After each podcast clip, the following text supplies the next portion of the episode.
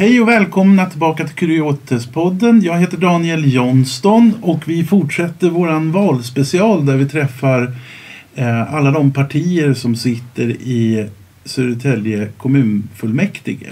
Och idag så har turen kommit till Centerpartiet och vi ska alldeles strax släppa in dem ordentligt. Men till att börja med så har vi ju några dragningar och vid min sida sitter Erland Kornfeld. Och på min lott brukar det falla att eh, påminna om att vi representerar oss själva förutom i den här valspecialen då jag rep representerar antroposofi och du representerar... Yttergärna i stort, ja. varenda kvadratmillimeter kan man säga. Så, så där har ni oss och för övrigt får ni ju gärna återkoppla om ni tycker att de här programmen är intressanta. Då är det kuriotetespodden at gmail.com eller på Youtube eller där poddar finns. Så är det. Jaha, och på teknik så har vi våran tredje eh, redaktionsmedlem, Horst Henrik Liljeström. Ja, vårat stödben. Japp. En pall står som bekant inte på två ben utan behöver tre. Ja. Så, då var det avklarat. Nu... Det är frågan om vi står pall. ja, det... Så, ska vi fortsätta? Ja, då, Okej, då släpper vi in våra gäster. Varmt välkomna. Ni får gärna presentera er själva. Jaha, ja, jag är Tage Gripenstam. Jag är kommunalråd, gruppledare för Centerpartiet här i Södertälje kommun och eh, bor ute i Hölö och har gjort det sedan 1968 så jag är välbekant med den här landsbygden och så. Eh, och det är också en viktig politisk fråga. Men eh, det är jag. Mm. Och du sitter säkert i några nämnder? Ja, jag sitter i några nämnder. Jag sitter i ska vi räkna upp alla eller? Jag sitter De viktigaste. Kommunfullmäktige, jag, sitter, jag är med i kommunstyrelsen, jag är vice ordförande och i eh, tekniska nämnden där jag är ordförande och sen ordförande för en styrgrupp som faktiskt jobbar med näringslivsklimatet vilket är en, en utmaning i den här eh, företagsrika kommunen. Eh, och sen är jag faktiskt regionpolitiker så att jag sitter i regionfullmäktige och regionstyrelsen också. Ja. Hej, jag heter Regiona Grippenstam och eh, jag sitter i Tomtits. Och eh, är det min politiska plattform som jag har i, i Södertälje. Annars jag har suttit i 2006 till 2010 i Stockholm mm. i landsting, det mm. kallas landsting. Mm. mm. Jag var ledamot för Centerpartiet där. Mm. mm. Ja, Daniel, har vi något som vi vill veta? Jag tänker vi gör väl ungefär som vi har gjort. Vi börjar med det lite större perspektivet. Vilka frågor driver Centerpartiet i den här valrörelsen? Generellt? Vilka är de stora viktiga frågorna? Det är flera olika frågor naturligtvis eh, men eh, om jag ska nämna några så ska jag börja en lite udda eh, ända tror jag ändå för att vi driver jämställdhetsfrågorna väldigt tydligt och det har ju aktualiserats här i omgångar både med det som händer internationellt men också här i Sverige. Så det är viktiga frågor att faktiskt stå upp för. Sen är det naturligtvis Eh, de generella frågorna kring eh, sjukvård och skola som eh, kanske alla partier driver men det gör också vi och har en hel del olika förslag på de områdena. Sen är det ju miljö och klimatfrågorna. De är ju centrala naturligtvis. Det är en överlevnadsfråga så den är ju så bred så den täcker ju egentligen alla andra områden också. Vilket gör att det ibland kan vara svårt att diskutera den för sådana ord som hållbarhet och andra betyder olika saker i olika sammanhang. Mm. Och sen är det trygghetsfrågorna generellt eh, utöver det och där handlar det ju om eh, att eh, se till att våra barn och unga inte rekryteras in i kriminalitet är väl egentligen det som jag tycker är viktigast när det gäller de mm. frågorna. Mm. Har du några frågor som du tycker att du vill lyfta fram? Jag tycker äldrefrågor är jätteviktigt. Att vi, det är jätteviktigt att vi lyfter upp, upp den frågan för att eh, inte glömma våra äldre personer. Mm. För ibland vi behöver stödja dem, för ibland när man kommer i en viss ålder, man har inte samma styrka när man var yngre. Och det är jätteviktigt från politiska sammanhang att man också kan komma in och försöka att, eh, att hjälpa till att till exempel att när de ska flytta hemifrån, få en, eh, en bostad eller då är det jätteviktigt. Och vi har drivit väldigt mycket matfrågor. Mm. Men idag det är inte så aktuellt. Men vi har jobbat väldigt mycket med den frågan för att det var viktigt för att, eh, att få äldre personer också genom hälsa, tand och mat. Det är jätteviktigt det var en fråga som vi drev förut Mm. jättemycket. V- Vad tror du det beror på att det inte är aktuellt längre? Jag tror väldigt mycket frågor nu som var förut, då finns, det fungerar väldigt bra nu. Som jag uppfattade. Mm. Och det har blivit bättre. Men det betyder inte att vi ska sluta att driva frågor. Mm. Vi måste fortsätta driva frågor också. Men inte på samma sätt som man gjorde förut. Alltså jag vet inte, kanske äldrevården, men om man tittar allmänt bland unga så är ju Södertälje lite i framkant vad det gäller ekologisk odling och matlust. Och, och, eh, jag hade själv någon eh, nyligen erfarenhet av sjukvården. Där blev jag lite förvånad över att maten var så väldigt mycket bättre jämfört med förra gången. Eh, Men i äldrevården, eh, där har jag mer erfarenhet från min mamma här i Järna och då, de var ganska dåliga. Så, så där vet jag inte om det har blivit bättre just sista åren. För det här var kanske två år sedan. Men, men det kan väl jag svara på. Det, det är precis som du säger att jag menar, vi har ju satsat på en utveckling i Södertälje kommun när det gäller mat och livsmedel överhuvudtaget. Matlust är Mm. ett exempel på det. Det är inte bara Södertälje kommun men det är ju ändå vi som är, är huvudaktör i, i den satsningen. Eh, och den, det håller ju det, det, det har ju startat på skolområdet kan man säga. Mm. Men det är ju också på väg in i äldreomsorgen. Mm. Det är inte, det är inte lika bra överallt, det är det inte. Men, men det är definitivt på väg och, och samma tankesätt och försöka jobba på samma sätt Mm. också i framförallt i äldreomsorgen. Eh, Även så långt det går i hemtjänsten. Det är ju lite knöligare men, men det är klart att det vill vi. Vi Mm. vill ju att våra äldre ska ha rätt mat framförallt och eh, även god mat såklart. Men, eh, för det handlar ju om näring och hur mycket man får i sig. Mm. man äter mindre och får inte i sig tillräckligt med näring och då behöver man en annan typ av mat och sådär. Så det pågår ju, det arbetet. Då. Eh, har Centerpartiet någon, eller någon av er någon särskild eh, så säga, eh, förståelse för eller inriktning mot biodynamisk odling? Det är lite av intresse för oss i, i, i podden. Jag ska väl svara, vi har inte vi delar ju inte in livsmedelsproduktionen på det sättet riktigt i Nej. vårt politiska engagemang.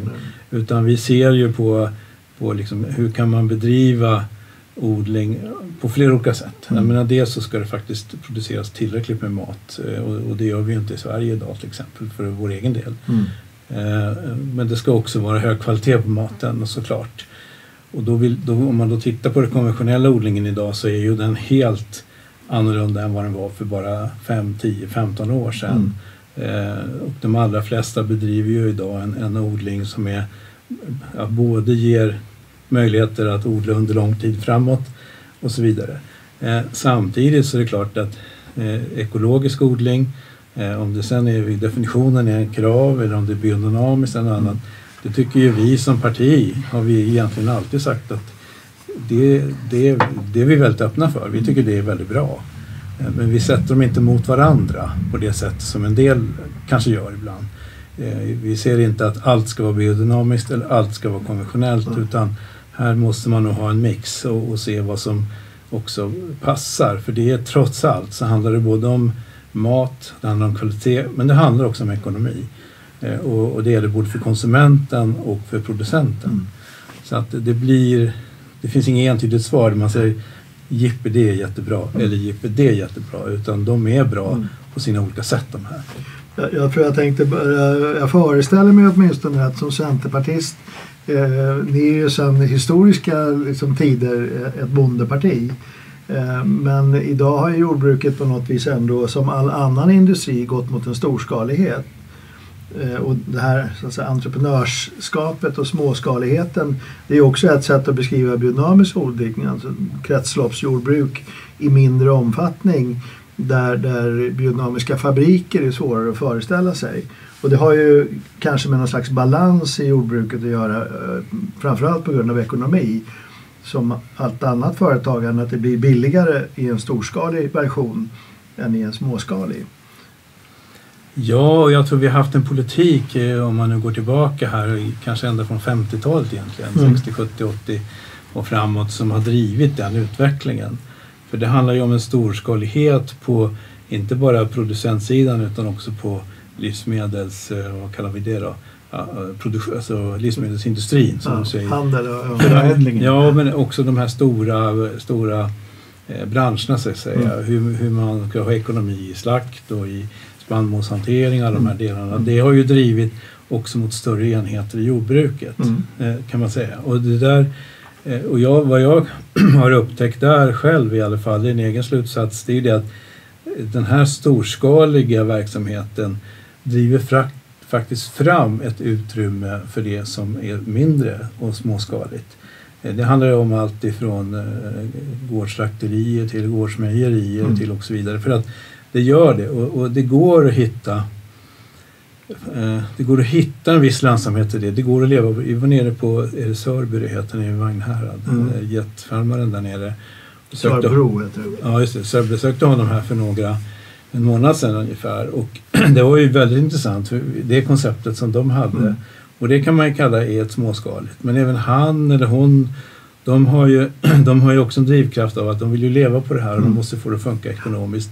Så, så vissa delar behöver på något sätt ändå eh, vända sig till en lite större marknad, andra behöver inte göra det. Och Mm. de hittar ett sätt att göra det på. Jag tror att det är väldigt, väldigt positivt. Och skulle inte de här, den här sammanslagningen skett av till exempel så att slakteriverksamheten är koncentrerad till är det utanför Skara, eller ja det är i alla fall där nere någonstans i stort sett för den här regionen. Så det är klart, då skulle det inte ha funnits heller det nya utrymmet för gårdsslakterier och andra att ta över. Mm. Och det handlar ju både om gårdsslakterier men det handlar också om att det faktiskt har skett en förändring när det gäller hur vi får hantera vilt och möjligheten att få Mm. kunna ta tillvara på det lokalt för Mm. konsument och för skola och andra. Så att, ja, det, det är en, jag tycker det är en ganska spännande mix Mm. egentligen.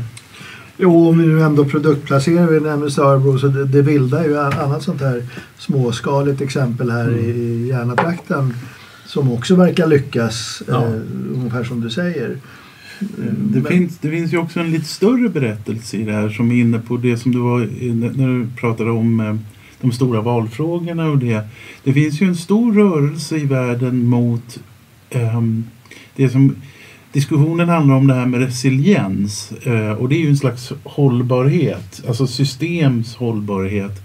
Och då, då resonerar man utifrån det att eh, en industri eller en produktion blir mer resilient om det finns små enheter också. Alltså att det inte bara bygger på några få stora, inte vet jag, säg att det finns eh, kanske fyra sockerraffinaderier i hela Sverige. Liksom. Eller det finns bara få stora enheter utan det här lokala, att mat tillverkas eller produceras lokalt. Att det också ingår i den här större berättelsen om att vara ett mer hållbart samhälle plus också en hållbar levande landsbygd. Att de här företagen funkar och frodas. Mm. Så.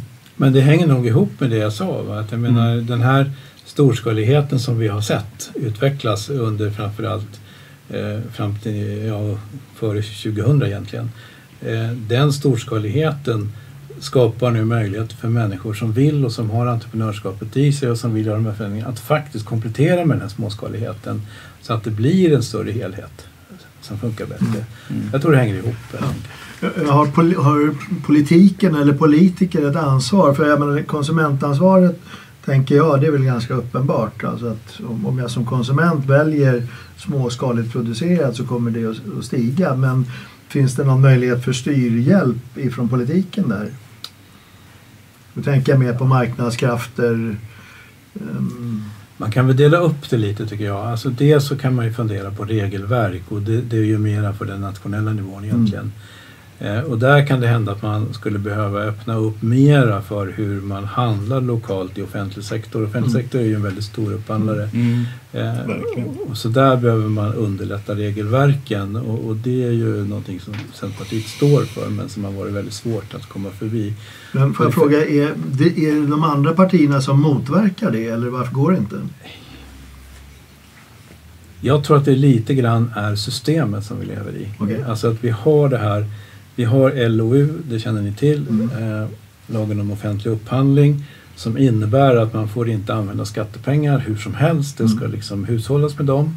Eh, och för att göra det där så kan man inte handla lokalt hur som helst eh, idag. Det går ju inte helt enkelt. För att gynna lokal handel. För om det blir dyrare så är, är det, blir det fel, alltså rent lag och regelmässigt. Så där behöver man titta på förändringar i de här systemen för att egentligen underlätta det här. Det var det jag försökte säga. Och, och klarar man det, eh, så, och det gör ju alltså både regionen och, eh, vet jag ju, och kommunen via Matlust till exempel jobbar ju för att kunna öka den lokala andelen av maten i skolan Mm. och även den ekologiska delen. Eh, faktiskt båda Mm. delarna. Sen finns det en diskussion om vad är lokalt i, i livsmedelssammanhang. Mm. Eh, förstås. Eh, och det är inte alltid det som är allra, allra närmast utan det är ju oftast ett större geografiskt område. Jag tänker bara, man har ju lyckats i andra, till exempel vårdsammanhang, i upphandlingssammanhang att få till mer lokal eh, näringslivsverksamhet. Så att jag tänker att det går ju att definiera en upphandling som att det ska vara lokalt producerat och åtminstone prova att definiera det själv. Pro- problemet är kanske inte riktigt det utan problemet är ju produktionen i sig. Eh, vi försökte från Centerpartiets sida eh, se till att när vi gjorde en upphandling för eh, trans alltså transporter till, Mm. till, av mat och sånt, och att det är gemensam upphandling för hela Södertörn då, då, för att det skulle bli effektivare och mer miljövänligt så att Mm. säga, transporterna.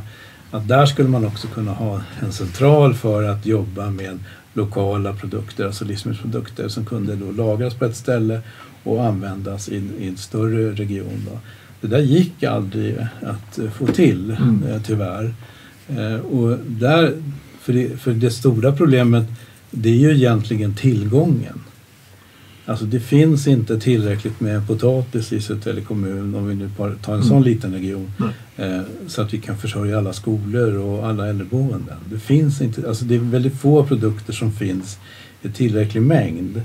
Och det där gör att det är svårt att upphandla det utifrån LOU. Mm. Man kan göra som Matlöst, man kan göra som Södertälje kommun har gjort i någon enskild skola. Man kan bedriva en försöksverksamhet relaterat till vissa odlare för att liksom försörja sig med grönsaker eller vad det nu är som är mest lämpligt. Då. Så att, eh, Jag tänker mig också Det att det har att göra med, med, med, nu ska inte jag lösa alla kommunproblem men jag förefaller ha lite grann med långsiktighet att göra både ur ett odlarperspektiv och, och där kan man väl säga att LOU eh, tycker jag i varje fall har, har brister därför att det blir lätt kortsiktiga upphandlingar. mm.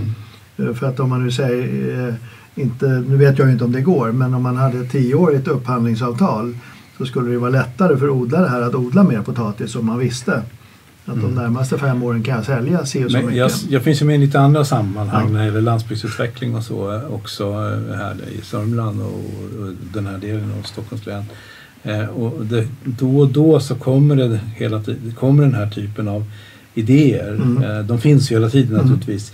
Om att på något sätt kunna leverera till offentlig sektor på ett bättre sätt. Men Mm. kanske också leverera till andra i och för sig. Alltså underlätta distributionskedjan. Mm. För det, det är där eh, delvis det brister då. Men det, det, det visar sig ofta att det är ganska svårt. Då. I Södertälje kommun så har man ju gjort på ett lite annat sätt med hjälp av Matlust. Då. Mm. Eh, och det, det är ju att man har upphandlat, alltså när vi har upphandlat våran livsmedelsleverantör, eh, eh, så oavsett om det är Martin Olsson eller Sodexo eller om det är någon annan sån här större aktör, så har vi liksom ställt krav på att det ska vara en viss andel lokalt producerat fläsk till exempel. Säger vi. Och det innebär då att den här, och det tror jag kanske är en del av det nya sättet att jobba. Att man ställer de kraven på de här stora leverantörerna. Mm. För då blir det så att eh, Enhörnas grisbonde, då, den enda vi har här, eh, när han, han levererar då, då köper man hans Mm. fläsk men via hans slakteri och den här distributören. Nej, jag bara tänker att det, är, det blir lite den här frågan varifrån ska det drivas? Och, och, och då tänker jag att Centerpartiet är lite i mitten där mellan, mellan att man säger att det ska drivas. Förändringen kommer av storskaligheten eller småskaligheten. Alltså för att lyckas genomföra sådana här projekt. Ja, men alltså jag tror att det, småskaligheten växer sig stark av att ha en närhet till den privata marknaden, det vill säga ICA och Konsum och Coop och konsumenter.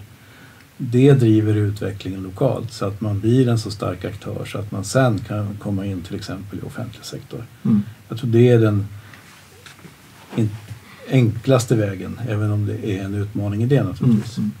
Nej, för jag tänker det är ju en sån här eh, idé, det är en gammal antroposofisk idé det här med tregrening.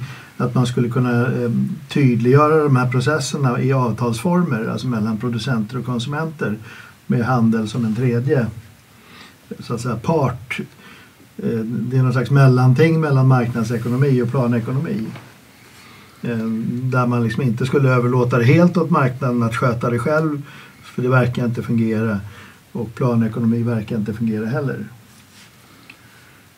Ja, alltså det där är en svår fråga att svara på. Det finns nog inget enkelt svar egentligen. Men jag tror... Är vi överens. ja, nej, men jag tror nog ändå utifrån det perspektivet som jag presenterade lite, för en liten stund sedan att, eh, att marknaden själv gör att det skapas nya marknader. Mm. I det här fallet har storskaligheten lett till att det skapas en, en nära marknad där människor vill handla nära och idag dessutom veta vad är det jag köper eller åtminstone från vem jag Mm. köper. Eh, Så att eh, på sätt och vis så marknaden lämnar efter sig ett tomrum som andra fyller upp. Mm. Så att det är klart att sen om det är marknad, ja det är i alla fall mer marknadsstyrd än planekonomi, Mm. det kan man nog påstå i alla fall. Eh, Så då. Men jag tror att det är också väldigt viktigt med, alltså vår, och så är det ju i Sverige, alltså de nationella regler vi har, eh, vad man får och inte får göra i offentlig sektor och sånt, har stor betydelse. Mm. Eh, Jag har funderat lite grann också på det. Men eh, på andra sätt jag har tänkt att fundera på den frågan. När det hände krig i Ukraina Mm. och när det inte varor kommer hit. Hur ska vi, om kommer inte det leverans med mat och allt hit för att eh, vi ska inte tappa den kunskap som man har lärt sig i små producenter som finns i landet också. Eh, via utbildning, ungdomar ska ta över också, inte tappa den där, eh, den här, eh, hur säger jag, det här naturkunskap. Mm. Till exempel, jag jobbar på förskola. Vi lär barnen nu att eh, samla på frö och eh, plantera tomat och se process i den. Mm. Och fantastiska som... Det måste finnas intresse också via utbildning att, eh, så att eh, i framtiden det, det är kanske många av dessa barn som lär sig i skolan vill också bli en producent eh, på lokal nivå.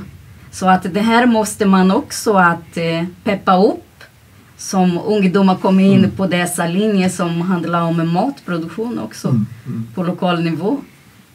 Jag tycker det är jätteviktigt. Ja, mm, verkligen. Ehm, Jag tror vi har, där har vi nog...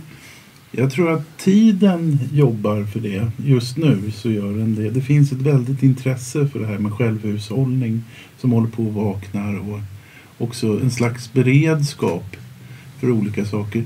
Europa har ju blivit så otroligt mycket mindre tryggt. Det har blivit mycket mer otryggt efter Putins invasion av Ukraina. Det, har liksom, det verkar som det har det har kommit oss mycket närmre det här med, med instabilitet. Och sen också bara en sån sak som att två utav de två, eller hur, det är Ukraina och Ryssland, det är de två som producerar mest vete i världen. Och nu ligger de i krig med varandra. Liksom.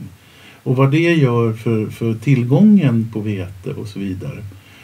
Eh, Så där tror jag att de där tankarna, eh, det ligger i tiden. Sen, jag kan också bli lite förbluffad om vi tar en sån viktig fråga som eh, livsmedelsförsörjningen. Hur många lantbrukare finns det i Sverige egentligen? Är det 20 000 kanske? Mm. Det, är, det, är, alltså det känns som det är alldeles för få mm. lantbrukare. Faktiskt, det känns som de skulle vara 200 000 åtminstone eller någonting.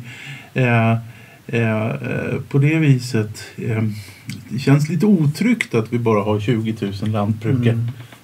Fast, fast jag tror man kanske ska se det på ett annat sätt. Det är den här storskaliga utvecklingen som har varit och den, den, den, är vi ju i fortfarande trots allt. Eh, men det är ju det är också så att de här 20 000 lantbrukarna idag och det som är otryggt med det, det är väl kanske en helt annan fråga egentligen. Eh, de brukar ju i princip all mark som går att bruka. Inte riktigt, men väldigt stor andel. Eh, och då blir ju nästa fråga snarare, vad är det man odlar på de här markerna då? Just vete är ju, det är ju det enda spannmål vi är självförsörjande på i Sverige, kan jag ju berätta då, om ni inte visste det Mm. redan. Eh, så att vi drabbas ju inte Alltså, vi drabbas ju indirekt av krisen när det gäller Ukraina och Ryssland i det fallet. Mm. Därför att det är andra som drabbas så oerhört hårt och då drabbas vi eh, som en konsekvens på olika sätt sen då. eh, av det. Då. Så att eh, det, det, är snarare det, det som är otryggt i det. Det är ju att vi är så oerhört teknologiskt beroende i våra lantbruk. Så det är klart att slås vi, skulle vi slås ut på energisidan till exempel, vi får inte diesel eller bränsle till våra traktorer och alltihop det där.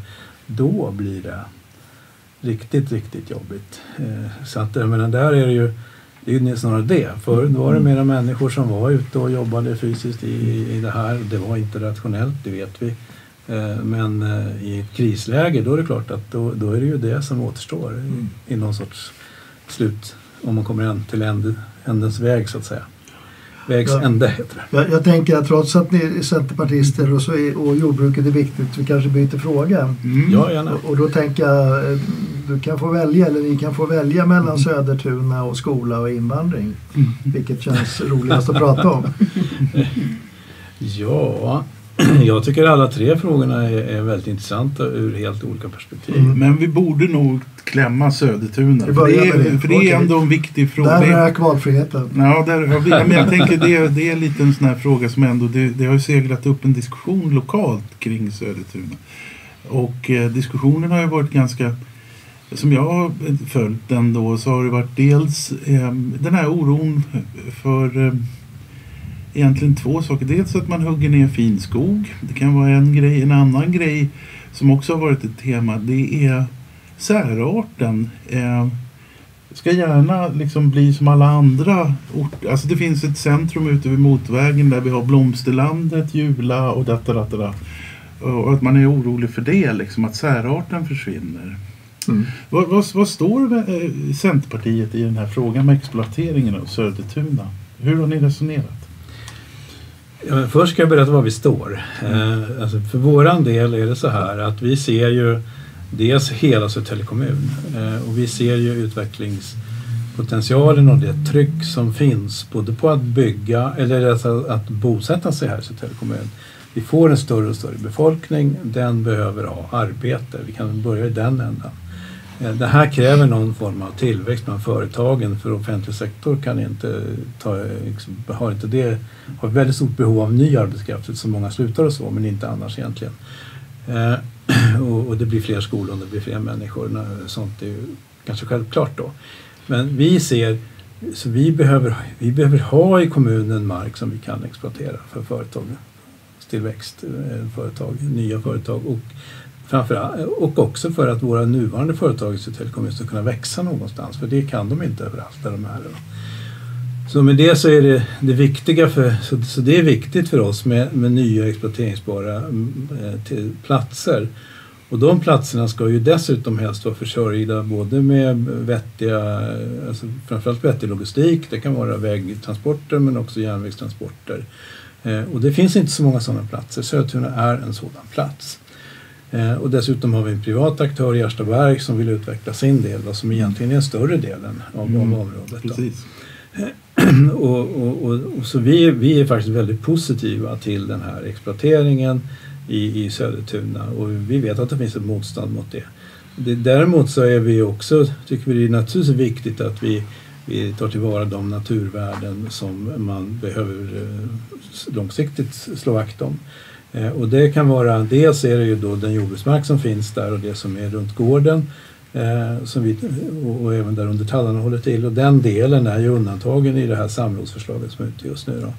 Eh, vi tror också, eller vi från Centerpartiet kommer också föreslå att den åkermarken som ligger inne i området, det finns ju fem hektar där som vi tycker vi att det ska man inte bebygga. I övrigt så får man, man har ju gjort väldigt noggranna kallas det, det kallas inte undersökningar, men eh, utredningar om marken och vad som finns där när det gäller naturvärden och sånt. Och man har ju redan försökt att ta bort det som är mest skyddsvärd och hitta kompletteringsåtgärder för det. Och jag tror att det här är en väldigt bra plats. Den är dessutom, det är ju inte världens roligaste ställe att vara på till exempel. Alltså, Mellan järnvägen och motorvägen? Nej, och dessutom när Ostlänken kommer ja. kommer det inte bli bättre. Mm. Så att jag tror att det här är eh, jag tror Centerpartiet har bestämt sig att det här är en bra plats att exploatera. Sen ska vi ta hänsyn till de naturvärden som finns där och för våran del är jordbruksmarken väldigt viktig såklart. Då. Det var ett långt svar på en kort fråga. Men, mm. Ja, men samtidigt, det är också det, eh, en annan eh, aspekt som har dykt upp i diskussionerna är också det här med att det där området blir ju en slags port söderifrån in till Södertälje. Det blir liksom en ing- vad, vad vill Södertälje kommun? Det är lite som när man kommer norrifrån och det första som händer är att man kör genom Moraberg typ.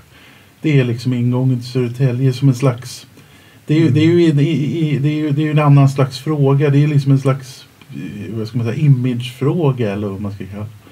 Att, att man inte kör rätt genom ett industriområde på det viset. Nej, det är väl både och naturligtvis. Därför det är klart att eh, dels så kan man ju rent estetiskt titta på hur området ska bebyggas. Och det har man ju gjort redan i samrådet. har man ju börjat egentligen gått mycket längre än man brukar göra i samråd. För att visa liksom, vad är det man ska se ifrån motorvägen Mm. eh, till exempel. Då. Eh, sen är det väl klart att eh, någonstans behöver man ju fundera på hur de här ska, hur det ska se ut när man passerar. Eh, och är, är skog det enda alternativet? Det är ju en annan motfråga då eh, kan man tycka. Ja, jo, jo. Eh, för skog är det ju ingen brist på egentligen efter våra vägar. Eh, så att eh, det, det, är, det, det är väl både ett sätt att visa att jag menar att eh, vi behöver ha tillväxtområden där företag kan etablera sig. Vi ska göra dem så snygga, om jag uttrycker mig så vårdslöst, som möjligt. Och vi ska göra det utifrån att tar hänsyn till de naturvärden som finns i de, i de områdena som vi exploaterar såklart. Då. Samtidigt så är vi, pratar man hållbarhetsfrågan eh, då är ju då är ju transporterna väldigt viktiga i, i all verksamhet som finns idag i princip. Och då gäller det att hitta rätt knutpunkter. Jag menar om vi nu skulle ta det här på jungfrulig mark ute i någonstans eh, på kommunens mark eller på någon privat mark eh, så skulle ju det bli mycket större ingrepp egentligen än vad det här blir och få mycket större negativ påverkan på miljön än vad det här området får jämfört med kanske andra exploateringsområden. Jag förstår synpunkten. Kommer det att se väldigt tråkigt ut när man åker förbi? Eh, inte nödvändigtvis. Samtidigt så är det ju så apropå gröna transporter. Man, det är ju ett, ett, ett stenkast eller två ifrån stambanan alltså vad gäller eh, transporter på järnväg, eller hur? Ja, järnvägen går ju in i området Ja. eh, och, och den, kommer, den räknar man ju med att man ska använda. Man kan också titta på elektrifieringen. Vi har ett stort företag i Södertälje som jobbar väldigt mycket med elektrifiering just nu, Scania. mm, eh, för att elektrifiera sina transport, sina fordon helt enkelt. Eh, och eh, det är ju en utveckling som just nu går ganska snabbt. Så att om man tittar på kanske det största klimathotet i alla fall utifrån transporter, det vill säga koldioxid och andra gaser i luften. Så det är man ju på väg att hantera och lösa. Vi är inte framme ännu, men vi är på väg åt det hållet. Då. Så att jag tror att man hittar, det kommer att bli ganska det kommer bli en ganska bra lösning tror jag i Södertuna och Erstaberg. Det är, ju, det är ju inget jätteområde. Man kan åka till Eskilstuna och andra ställen där det är mycket större områden som man exploaterar. mm, Eh, Och de har ju levt på att de är nära Stockholm. mm. Och så är det klart att vi tittar ju på utflyttningen ifrån Stockholm, företagen som vill komma längre ut. Och hamnar de inte här så kommer de att hamna i, ja, det klassiska argument i och för sig, i Strängnäs eller i Eskilstuna eller någon annanstans. Så att, eh, jag, tror vi, och vi behöver det här för våra människor. Det kommer ju att stärka gärna som lokalsamhälle därför att det kommer att bli många arbetstillfällen. Många kommer säkert välja att bo i Järna, tror jag är positivt i samhället. Kopplat då till det som händer på Almnäs och på andra sidan. Det kommer ge underlag för sådana här konkreta saker som gång och cykelvägar och andra eh, smarta lösningar som man kan använda. Så att, ja det... Vi det, det låter som att det finns en slags eh, vilja eh, politiskt att styra ändå. Både utseendemässigt och funktionsmässigt. Ja, och inte släppa det helt så säga, fritt Nej. för upphandling. Nej, det är olika delar. Själva plan, plandelen kan styra en del Mm. Eh, och eh, bygglov styr en del naturligtvis. Det är där vi kan styra. Mm. Mm. Däremot så kan man ju inte säkerställa vad det är för typ av verksamhet egentligen. För det, det kan vi göra när vi säljer marken. När den väl är såld så vet man ju inte vad som händer sen. Men det, det vi gör idag, det gör vi på alla områden, det är att vi säkerställer att de som kommer till ett bygglov och bygger eh, en fastighet för en verksamhet. Att, den är, att det verkligen är där det som ska hända där. Vi säljer inte till exploatörer Mm. som ska exploatera marken. Eh, Och det tror jag det är en jätteviktig skillnad. Eh, Så har det inte alltid varit men eh, nu är det så. Mm. För mig det leder lite grann in på den här samarbetsfrågan i kommunfullmäktige. Eftersom Centerpartiet inte kan bestämma det här själv.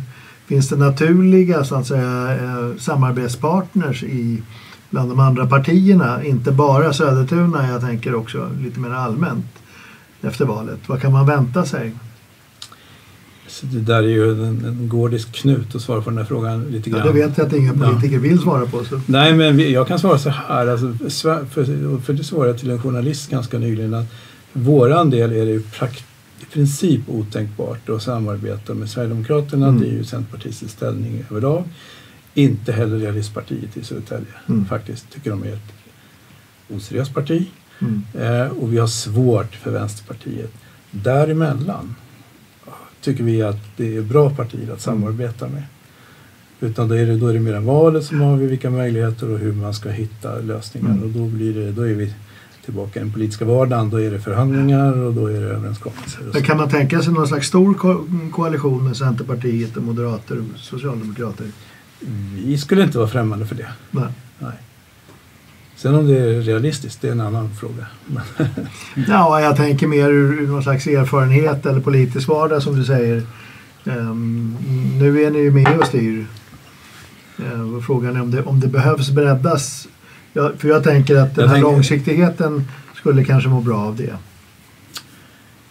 Ja, nu pratar vi kommunpolitik va? och Ja. det är ju väldigt få beslut egentligen som inte är långsiktiga där Mm. vi är ganska överens över blockgränser och majoritetsgränser och sånt. Så att jag tror eh, i väldigt många frågor så behöver man inte vara så orolig för att beslut som är fattade kommer att förändras. Mm. Sen kommer allting att utvecklas och förändras hela tiden naturligtvis och då beror det på vilka konstellationer som samarbetar, så är det ju. Nej, jag tänker mer om man tittar på riksplanet så, så verkar det ju luta eh, åt en lite mer klassisk höger-vänster eh, uppdelning efter valet. Så som det låter just nu i varje fall. Eh, Och, och då kanske inte gör det i Södertälje. Det är så uppfattar jag ditt svar. Nej, men jag kan svara så här också när det gäller det samarbete vi har idag i Södertälje kommun så är det, det är ett väldigt bra samarbete. Vi är naturligtvis inte överens om alla frågor, det vore Mm. jättekonstigt, men det är vi inte. Men vi har, vi har ett bra sätt att arbeta tillsammans. Mm. Eh, och det gör att vi har framdrift i, i princip alla frågor, även om det finns svåra utmaningar i, i några av dem. Eh, Såklart. Men, men Nationell jag tolkar dig rätt så, så, så skulle även Moderaterna kunna ingå i en koalition.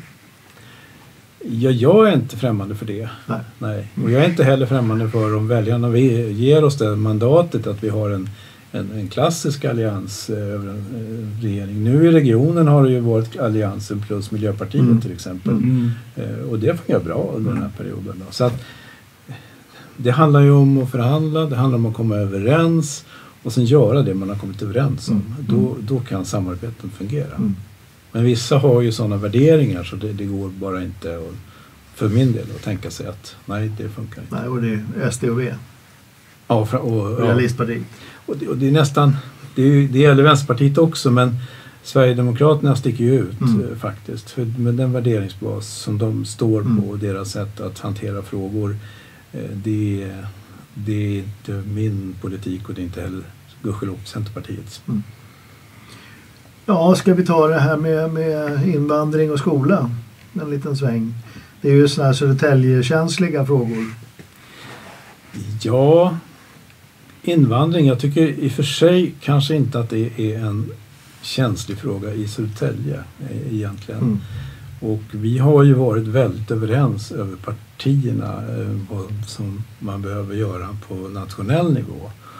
Och där har det ju framförallt handlat om eh, fördelningen av människor som kommer till Sverige och EBO-lagstiftningen Mm. känner ni igen då. Mm. Jag vet inte om alla tittare gör det men där har ju vi eh, sagt att eh, så kan man inte ta emot människor. Man måste ta emot dem på ett sätt som man kan eh, sprida över landet och ge alla en, en ärlig chans att säga. För det får man ju inte riktigt i Södertälje. Det, det, så är det ju. EBO, om det är någon som inte vet vad det är, så det är rätten att man får bo var man vill.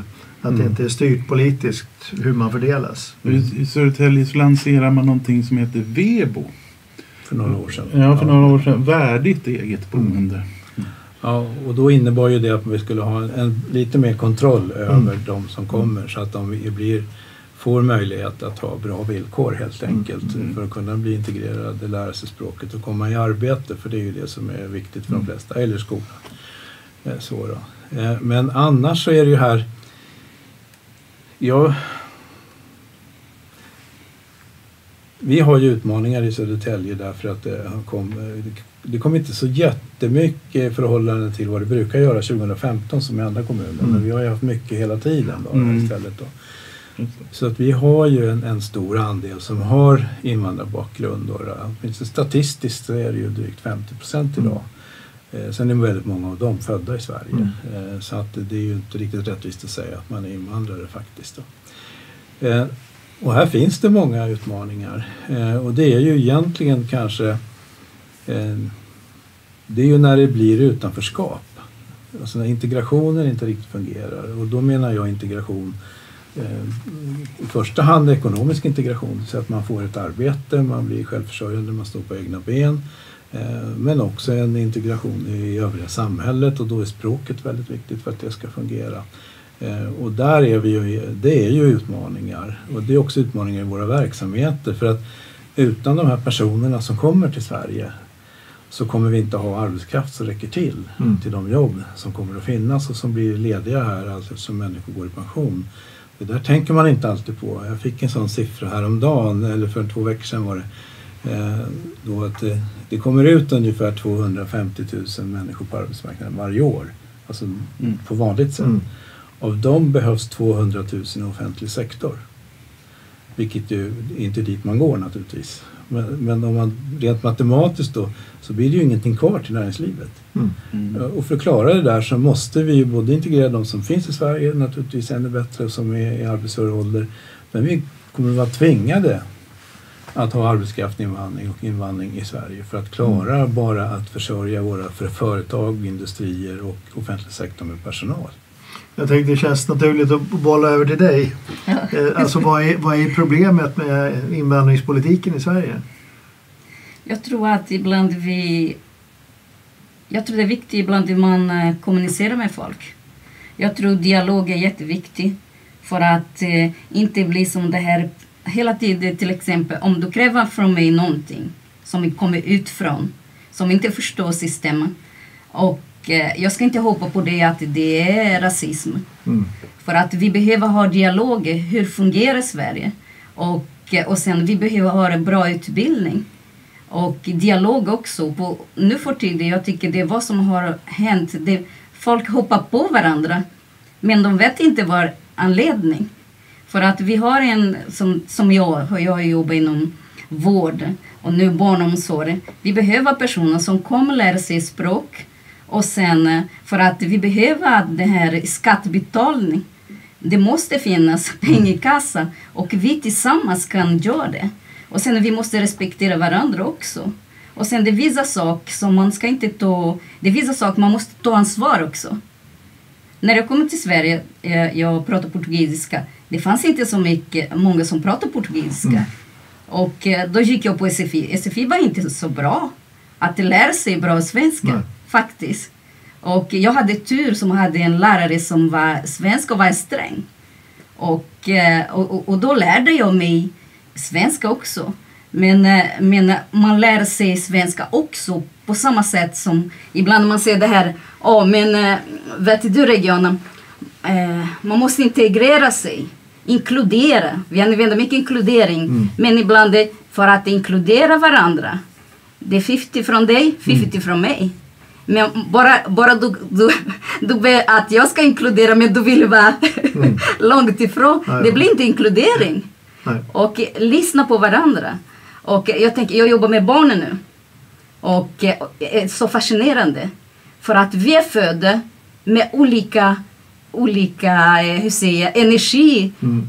Eh, det finns barn som går snabbt. Det finns de som går, går långsamt och det finns de som är som professor. De tänker, analyserar. Så att det här, vi är unika som vi är. Mm. Och det står i vår natur också. Och sen vi tänker inte på andra saker. Det finns folk som kommer från länder som har varit krig. Tänk att du vaknar på morgonen med en bomb, puff! Och sen plötsligt någon flyttar dig någon annanstans. Men det betyder din kropp har flyttat. Men det här är psykisk, den där... Allt finns i, i hjärnan där hos oss. Mm. Och folk kommer hit. Allt är bra här ut, men in i hjärnan, det är så komplexa. Och sen vi kan... Det är svårt att kommunicera med den grupp som kommer från krig också. Vi behöver också den här eh, vård som kan bemöta folk i den krisen också.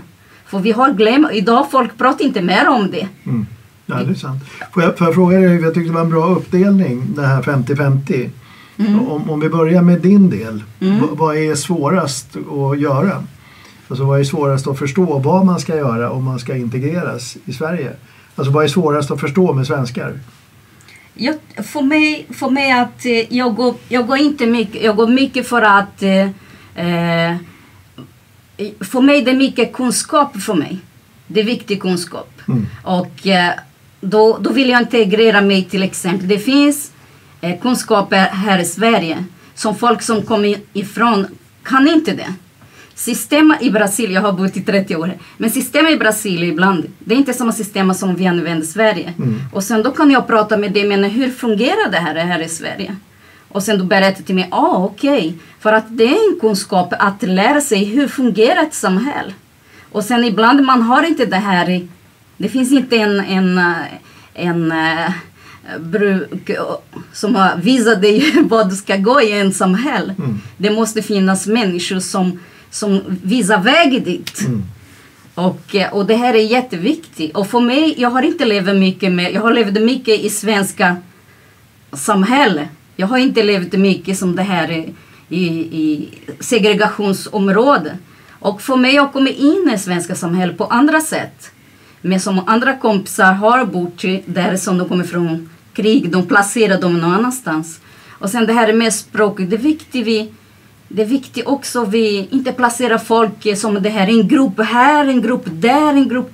Jag tror att vi måste jobba på ett sätt att eh, vad som är bra för oss Mm. också. Men, men betyder det att du tycker att det skulle vara lite mer tvångsåtgärder ifrån svenskars sida? För att ibland det finns en distans, känner jag. Ibland som det här, okej, jag kan hjälpa dig men kom inte så nära mig. Ungefär som det här. Då, då tränger jag in. För ibland när vi börjar känna varandra, man kan se, vi kommer från samma natur. Mm. Det är bara att vi är uppfostrade, vi är bara uppdaterade i olika kulturer. Men, men vi har samma... Men, men jag tänker så här eh, att jag hör ganska ofta att många med, som kommer till Sverige eh, tycker att det är svårt med den här svenska, eh, vad jag ska kalla det för, undfallenhet är ju ett fint ord men Mm. att man liksom, ja men, ja men du måste förstå, du måste ta eget ansvar. Det är ju inte så mycket, alltså nu gör du så här. Det är Mm. inte riktigt en svensk metod. Nej, det är inte det. Jag tror att det skulle vara bra att vi är tydliga mot varandra. Mm. vad som gäller. Och jag tror att där som finns ett, eh, att man tolkar fel varandra. För att vi är inte tydliga ibland för att vi går till andra väg för att för, beskriva för folk som kommer hit. Men jag tror att om vi ser det här, så fungerar här så. Om du tar det här och det här väg, det är bra. Men ibland också för att för, för våra barn också, för att de lyckas i sitt liv. Ibland vi måste vara stränga också. Kräva ansvar också. Mm. Om om vi inte kräver ansvar för dem, kanske de går till centrum och börjar göra sönder allt det där. Och hamna i gängkriminalitet och allt. Är det här som vi vill inte? Ibland man måste ta hårda, hårda handskar, vad kallas det? Man måste ha den där dialogen som ibland är lite jobbigt. Men det är viktigt. Tage, är det här något som är möjligt i svensk politik? Det här får du en lösning. Jag tycker att det var en lösning. Ja. Jag tycker det var ett sätt att eh, beskriva en verklighet. Eh, ja, men jag tror att det finns, eh, jag tror att det finns vissa saker man Mm. definitivt, och, och lite grann händer ju det på sätt och vis just nu. Och, och det kan ju vara en uppstramning. Jag tror att en, en del i problematiken, precis som du säger, du kallar det undfallenhet, men att, att vi, vi som är uppväxta här i alla fall, vi, vi har vi kan systemet, vi vet hur saker och ting fungerar. Vi tycker det är obekvämt när andra inte vet och kan. Mm. Eh, Men det är ju där någonstans det blir fel eh, ofta. För man vet inte, man har inte fått chans att lära sig. Det är ju det det handlar om. Det handlar ju inte om att man är eh, dum eller något sånt. Utan det handlar ju om att man inte har fått lära sig eh, hur systemet funkar för att jag ska funka i det här samhället riktigt ordentligt. Där finns det nog en hel del som man kan göra politiskt men framför allt i, skolväsende och SFI som du nämnde. Alltså, man försöker ju. Ja, Såklart. det, det är jag nog införstådd med, men jag, jag tänker nu kallar jag det för tvångsåtgärder. Det behöver man ju inte göra utan du använder ju mer kanske tydlig. Mm. Ja, alltså att, eh, både från politiskt håll men även vardagstydlig. Mm. Eh, Att tala om det är så här det fungerar och det är det här man förväntas göra. Mm. Eh, Och, och vi blir ju lite så här, men då blir jag ju kallad för rasist på en gång. Just det. Just Så, det. så där ser väl jag någon slags svårighet eh, ifrån en svensk. Men, men jag tror att, ja, men det, utifrån min position så ser jag ju ändå att det, sker ju positionsförflyttningar på Mm. det här området. Och det gör det ju både på nationell nivå eh, men, men det gör det också i de kommunala sammanhangen. Vi ökar ju upp, vi ökar ju upp eh, språkkrav, förväntningar till exempel eh, på personal som vi anställer. Vi, vi, eh, vi försöker hitta formerna för hur man ska eh, förstå hur samhället fungerar. Man får inte, man får inte ha den här undfallenheten. Jag, jag är inte med våra socialsekreterare dagligdags till Mm. exempel men jag vet ju att det är ganska så strama villkor idag där man pekar med hela handen på vad som förväntas att man Mm. ska göra och så. Mm. Eh, Det finns de som lurar systemet, naturligtvis några stycken, men i princip så tror jag att det här ändå växer. Problemet är ju sen när man lever i en kontext eh, där man är jag tycker det är ganska grovt att kalla det parallellsamhälle men man, man lever ändå i grupperingar där man får eh, klara sig ganska bra på det språk man eh, har med sig eller föräldrarnas språk och så Mm. vidare. Va? Och sen försöker man att leva där i där samtidigt som man då ställer kulturella andra krav till exempel på skolan. Mm. Vilket ju gör att förväntningarna på skolan för att ta hand om mina barn är mycket större oftast från de som kommer från andra länder eh, än vad det är för svenska föräldrar som är mycket mer delaktiga Mm. för de vet att systemet funkar så. Ja, det blev en utläggning men Men vi får väl säga som på SVT, det finns andra som utnyttjar systemet också, inte bara invandrare. definitivt. Ja, nej, och, och så är det ju. Eh, alltså, om man, jag vet att tiden går men Mm. om man, om man tittar på hur det egentligen ser ut eh, så är det ju så att det är inte det är inte ens ovanligt att det är andra än Nej. invandrare som Nej. utnyttjar systemen. Eh, men det är ju alltid bra att kunna skylla på någon så eh, det är ju ett annat fenomen som vi känner igen. Så vi kanske ska gå ner för landning då, då. Helt enkelt. Vi har ju suttit här en ganska god stund nu och diskuterat. Ehm, så eh, jag hoppas att ingenting stort blir hängande i luften nu eh, på, på något vis. Att, att, att, att vi har fått säga det vi ville säga. Eh, Nej, alltså vi har ju, vi har ju varit inne lite på, på miljö och klimat och eh, åtminstone nämnde och jämställdhet Mm. och de frågorna som är väldigt viktiga. Eh, ni var själva inne på att vi skulle ha med lite kring skolan. Det, det har vi inte hunnit. Det är ett viktigt område såklart.